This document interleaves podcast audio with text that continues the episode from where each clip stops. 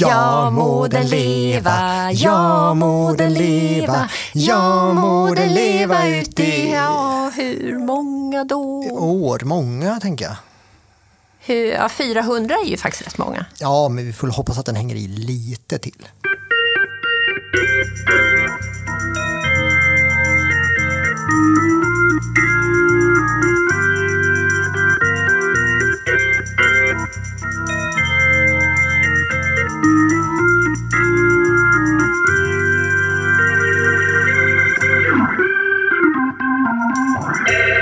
Välkommen till Göteborgs stadsmuseums egen podd En kvart om Göteborg. Jag heter Ylva Berglund Och jag heter Håkan Strömberg. och idag ska vi alltså fira jubilaren Göteborg 400 år. Ja, det känns väl lämpligt. Även om, Även om även om själva festen faktiskt har skjutits upp i två ja, år. det är ju det. stängt på grund av pandemi. Alltså. Ja, och det enda roliga med det är väl att det har hänt förut. Alltså när Göteborg fyller 300 år så sköts ju firandet upp från 1921 till 1923. Och så var det en pandemi då också, spanska sjukan. Historien går i cirklar, men det var väl inte på grund av pandemin som jubileet sköts upp förra gången? Nej, det var politik och pengar. Ylva, det är sånt man inte ska prata om. Pengar, politik och religion, det vet du. Ja, men då pratar vi inte om det. Men jag kan ju berätta att planerandet inför firandet 1921, det inföll mitt under ett världskrig. Det var ransoneringar, människor gick hungriga, bostadsbristen var skriande, En pandemi, en pandemi på det och det fanns de som tyckte att ett stort påkostat stadsjubileum just nu, det, och att slösa bort pengar som kunde användas bättre, kan ju kan förstå det. så frågan var om de skulle lägga ner firandet helt Eller skjuta upp det. Ja, för att se om de under tiden gick att få in näringslivet och statskassan i det hela. Och det lyckades. Det blev en industrimässa knuten till jubileet och statliga lotterimedel pumpades in. Och resten är historia som vi säger. Eller jubileumsutställningen 1923 blev central del av Göteborgs historia i alla fall. Festernas fest. Då byggdes Litteberg, Fyra miljoner besökare. en linbana. Ja, det är nästan så jag kanske tycker lite synd om de som haft i uppgift att arrangera 400-årsjubileet. Ja, men jag menar, du kan ju inte toppa ett firande som har blivit legend. Okej, svårt att bygga Liseberg en gång till tänker du. Ja, kanske det. Och då satte de ju faktiskt in extra båtar från USA för att transportera besökare till jubileumsutställningen. Kungen var här, Einstein var här, alla var här. Hur får du till något motsvarande? Okej, jag är med. Det är lite synd om 400-årsarrangörerna. Men vet du vad som är en tröst och vad som är lite spännande? Nej, vad är trösten? Att det inte ska toppa. Nej. En av de häftiga grejerna med såna här glest återkommande händelser det är att de aldrig är sig lika. De är alla sin tids barn. Nej, men nu får du förklara. Jo, men så här. Så här. 1923, det är en mässa. Eh, För, för det här är de stora mässornas tid, alltså jordbruksmässor, industrimässor. Mässor är grejen under slutet av 1800-talet, alltså blir det en mässa. Och sen är det också, 1923, det är en nationalromantik. Så, så här blir det alltså jättemycket historia, de filmar gamla hantverk. Det är, det är, det är både idealisering av det förflutna och en slags hur ska vi säga, utvecklingshistoria. Vi har gått från det stadiet till det stadiet till idag och det är fulländning. Oj, var inte så mycket ödmjuk där inte. Nej. Och, och plus då på det här så kommer då att det här är, det här är demokratins genombrott. Mm. Så folket ska vara med. Liseberg! Ja, Liseberg, barnets paradis, dansbanor, Mm. det är stort, öppet, offentligt, inbjudande, folkligt. Men nu får det låta som att 1923 kunde ha bl- inte ha blivit på något annat sätt än det blev. Eller mer som att ett, ja, men ett jubileum blir en slags blixtbelysning av sin tid. Alltså Mm. det blir nästan en parodi på tidsandan. De bygger en bild av sig själva. Och nu blir det läskigt. Förlåt, tror Ja, jag. men, för det du säger nu, är i så fall kommer ju vårt firande 2023 att bli... Oj då. Mm. Eh, vad händer egentligen 2023? Kan vi vänta lite med det?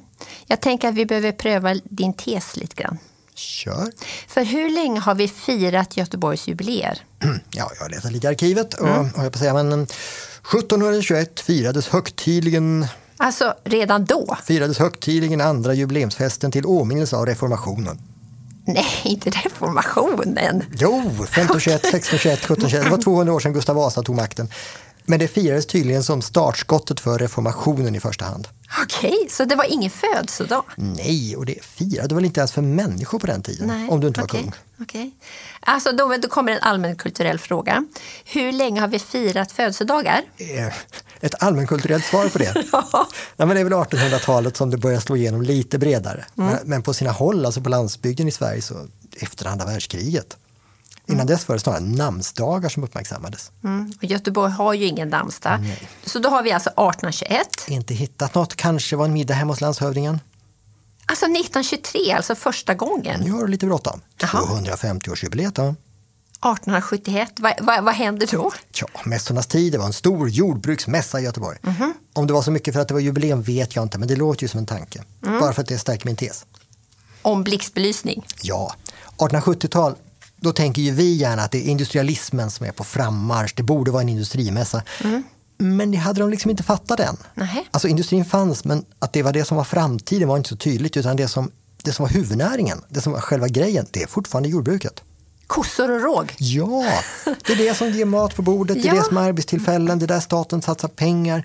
Och det är ju inte statiskt utan lagstiftare, lantbruksakademier, hushållningssällskap, alla jobbar på att förbättra och rationalisera jordbruket.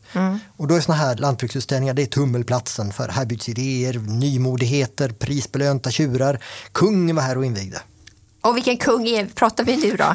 Karl den femtonde. Landsfadern. Eh, ska du förklara det där? Ja, men han var väl kungen med inofficiellt rekord i antalet, som det heter, utomäktenskapliga affärer. Är det han som, är det han som har anledning till de där djävulsmaskerna på Linnégatan? Nej, det ska vara hans bror.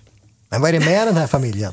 Ja, men enligt obekräftade legender så hade Oscar den andre, Karl den femtondes bror, ett så kallat kärleksnäste på Linnégatan 9. Och när han hade sommarlov då på västkusten så mötte han sina älskarinnor där. Och det ska alltså ha gjort fastighetsägaren tvärs över gatan så upprörd att han beställde några djävulsfigurer som han satte upp på sitt hus. Låter lite som en srilankesisk andeutdrivare ungefär.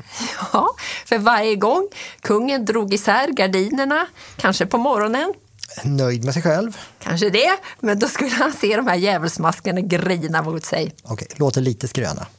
Ja, men kanske lite. Men du, åter till den här jordbruksmässan 1871. Ja, kor och kungar. Mm. Och sen går det 50 år. Så är det den 1923, som vi redan pratade om. Sen går det 50 år så är det... 1971!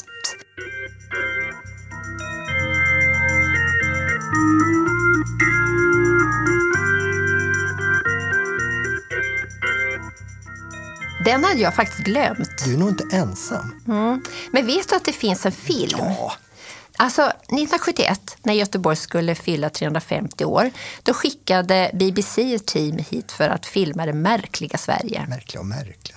Ja, men det var ju det. Det här var ju när Sverige stod på topp, kan vi säga. Det fanns ingen oljekris ännu, ingen varvskris i sikte. Möjligen en liten tekokris. Ja, men möjligen liten teko. Men Sveriges ekonomi blomstrar och den här sociala ingenjörskonsten var på topp. Det är mitt i byggandet av miljonprogrammet och BBC besöker Göteborgs hyrplan- hyperplanerade får jag säga, nya satellitstäder som beskrivs med något mellan beundran och eh, Fasa. ah, lite mer häpen fascination i alla fall. Och det här går ju att hitta på nätet, den här filmen heter Places for people. Gott och väl. Men, men själva 350-årsfirandet då? Jo, det hade utretts ett tag och till sist kom de fram till att 350-årsfirande skulle vara ett startskott för liksom ett Göteborgskalas före Göteborgskalaset. De skulle sälja in Göteborg som turiststad och evenemangsstad och befästa stadens rykte som den vänliga staden. Mysigt. Ja, så då planerades ett party med extra allt. Ananas. Nej, ingen ananas. Det var skridsko-VM i Göteborg det här året och det var SM i badminton, skandinaviska mästerskap i tennis, landskamp i tyngdlyftning mot Polen. Eh, Hur gick det? Ja, men de vann. Och så var det curling-SM, internationellt Swedish rally med start och mål på Nya Ullevi, SM i brottning och pal- polis-VM i bowling. Men Ja, men det här är ju tävlingar i judo, bågskytte, varpa och en väldigt särskild fotbollsturnering som var för alla åldrar och nivåer. Men de hade särskilt sånt där uträknat handikappsystem. Okej. Ja, 358 lag ställde upp och så var det utslagsturnering från gryning till skymning och final på det. Och det var Göteborgs FFs pojklag som vann. det var ett sportkalas alltså. Nej eh, då. Var lugn, var lugn. Det var schackturneringar, det var dramatikertävling, internationell folkdans festival, var filmvecka, 200 körkonserter, turnerande sjukhus, sjukhusunderhållning och så spelar de operan Aida i nybyggda Skandinavium. Men själva grejen, det var då den här 4 och 5 juni. Själva födelsedagen alltså? Ja, för då satsade staden på fest natten lång. Och det var scener och plats för dans överallt i centrum. Och man kan faktiskt säga att alla artister som fanns på den här tiden var här. Det är Family Four, det är Lill-Babs, Lasse Dahlqvist, Britta Borg, Povel Ramel och Lind Lindfors. Och så var det olika scener liksom för olika typer av musik så att du kunde välja och vraka eller bara driva runt. Och så hade de ju till och med tur med vädret. De jäklarna. Ja, efter en inledande regnskur så kommer den här högsommarvärmen och folk bara strömmar ju ut, lyriska. Och förutom vädret är det då två märkliga saker med det här jubileet. För det första, hela firandet fick en budget på 8 miljoner. Låter lite snålt va? Ja, men det är ungefär 60 miljoner idag. okej. Då är frågan, hur mycket back gick de? Det vanliga, 50 procent över budget, Nej, 900 000. 900 000 back. Nej, fick de över? Du skojar. Nej, jubileet gick ju motsvarande 100 miljoner back. Det är 23 alltså? Ja. Och 1971 så fick de 900 000 över. Alltså en kommunal projektbudget med hundratals inblandade som får pengar över. Det svindlar lite. Ja, och det kommer mer. För under själva födelsedagen, kvällen och natten den 4 juni, så samlade cirka 150 000 människor i centrum. Och polisen, Hade huvudvärk. Nej, polisen rapporterar efteråt in noll, zero, ingripande. Lägg av. 150 000 människor, trängsel, alkohol, dans och inga ingripande alls. Okej. Och då kanske någon sitter och tänker att ja, men på den tiden, då var det ju lugnt och fint. Det var den gamla goda tiden. Men det var det ju inte. Nej, det var det inte. Narkotikan flöda, mellanölet var i var mans hand, skolan krisade och tjuvligor härjade. Terrorismens tid. Va? Jo! Jaha. Alltså bara några månader innan det här firandet så, så sköts ju Jugoslaviens ambassadör i Stockholm av två kroatiska terrorister. Och året efter kapas ett flygplan utanför Malmö av andra kroatiska terrorister. Och några år senare så sprängs ju tyska ambassaden av tyska terrorister uppe i Stockholm. herregud. ja, Ja. ja, men trots allt detta då. Ja. så var det inga terrorister här. Det var noll ingripande och dåvarande kommunfullmäktiges ordförande han skriver så här. Den gemenskap och märkliga stämning och atmosfär som rådde i staden den 4 och 5 juni då familjen Göteborg firade sin födelsedag i dagarna, eller rättare sagt nätterna två, punkt, punkt, punkt. Det var en oförglömlig upplevelse. oförglömlig men ändå så bortglömt. Ja, men det är inte så konstigt. Ingenting hände ju. Ingenting byggdes. Så det har liksom bara försvunnit. Det hände, det var stort, det var fantastiskt i några dygn och sen var det klart. Lite som Woodstock, Ja, som ju bara är två år innan. ja. För om Göteborg någonsin haft ett Woodstock, Ett extremt välplanerat Woodstock i så fall. ja. För att om Göteborg någonsin haft ett extremt välorganiserat Woodstock så var det jubileet 1971 Vilket bara stärker min tes. som är Ah, Jag menar att sådana här jubileer är som en blixtbelysning av tidsandan. 250 år, kom till Göteborg och titta på morgondagens utsäde. Jordbruk är vår framtid. 300 år, åk karusell! Åk karusell och känn stolthet över vårt förflutna och vår fantastiska exportindustri. Mm. 350 år, turista hos oss, här är det party. All night long. All night. Ja, Fast egentligen är det ju inte så konstigt. du tänker på tidsandan och så. Nej, men alltså, finns det någonting mer pinsamt än när du ska fylla 12 år och din pappa tror att du vill ha barnkalas med fiskdamm? Ja, men göteborgarna var bara, ja, nu när du ska fylla 300 år, då vill du väl ha jordbruksmässa, precis som förra gången. Åh, du har rätt, pinsamt, pinsamt. Men, men vi kommer inte ifrån det. Vi Kommer inte runt vad då? det. Ja, insikten, slutsatsen. Som är, Om varje jubileum är en blixtbelysning av sin tid så är firandet nu, 2021 och 2023, en skoningslös granskning av vår tid. med den nedlagda linbanan över älven. Mm. Men hur det blir, det vet vi ju faktiskt först efteråt. Så efter 2023 så vet vi vilken tid vi lever i. Jag antar det. Men då får vi väl ses då och sammanfatta. Men eh, just nu tror jag faktiskt att det är dags för oss att säga tack. Ja, och önska fortsatt firande till alla där ute. Och så en jätteglad sommar. Ja.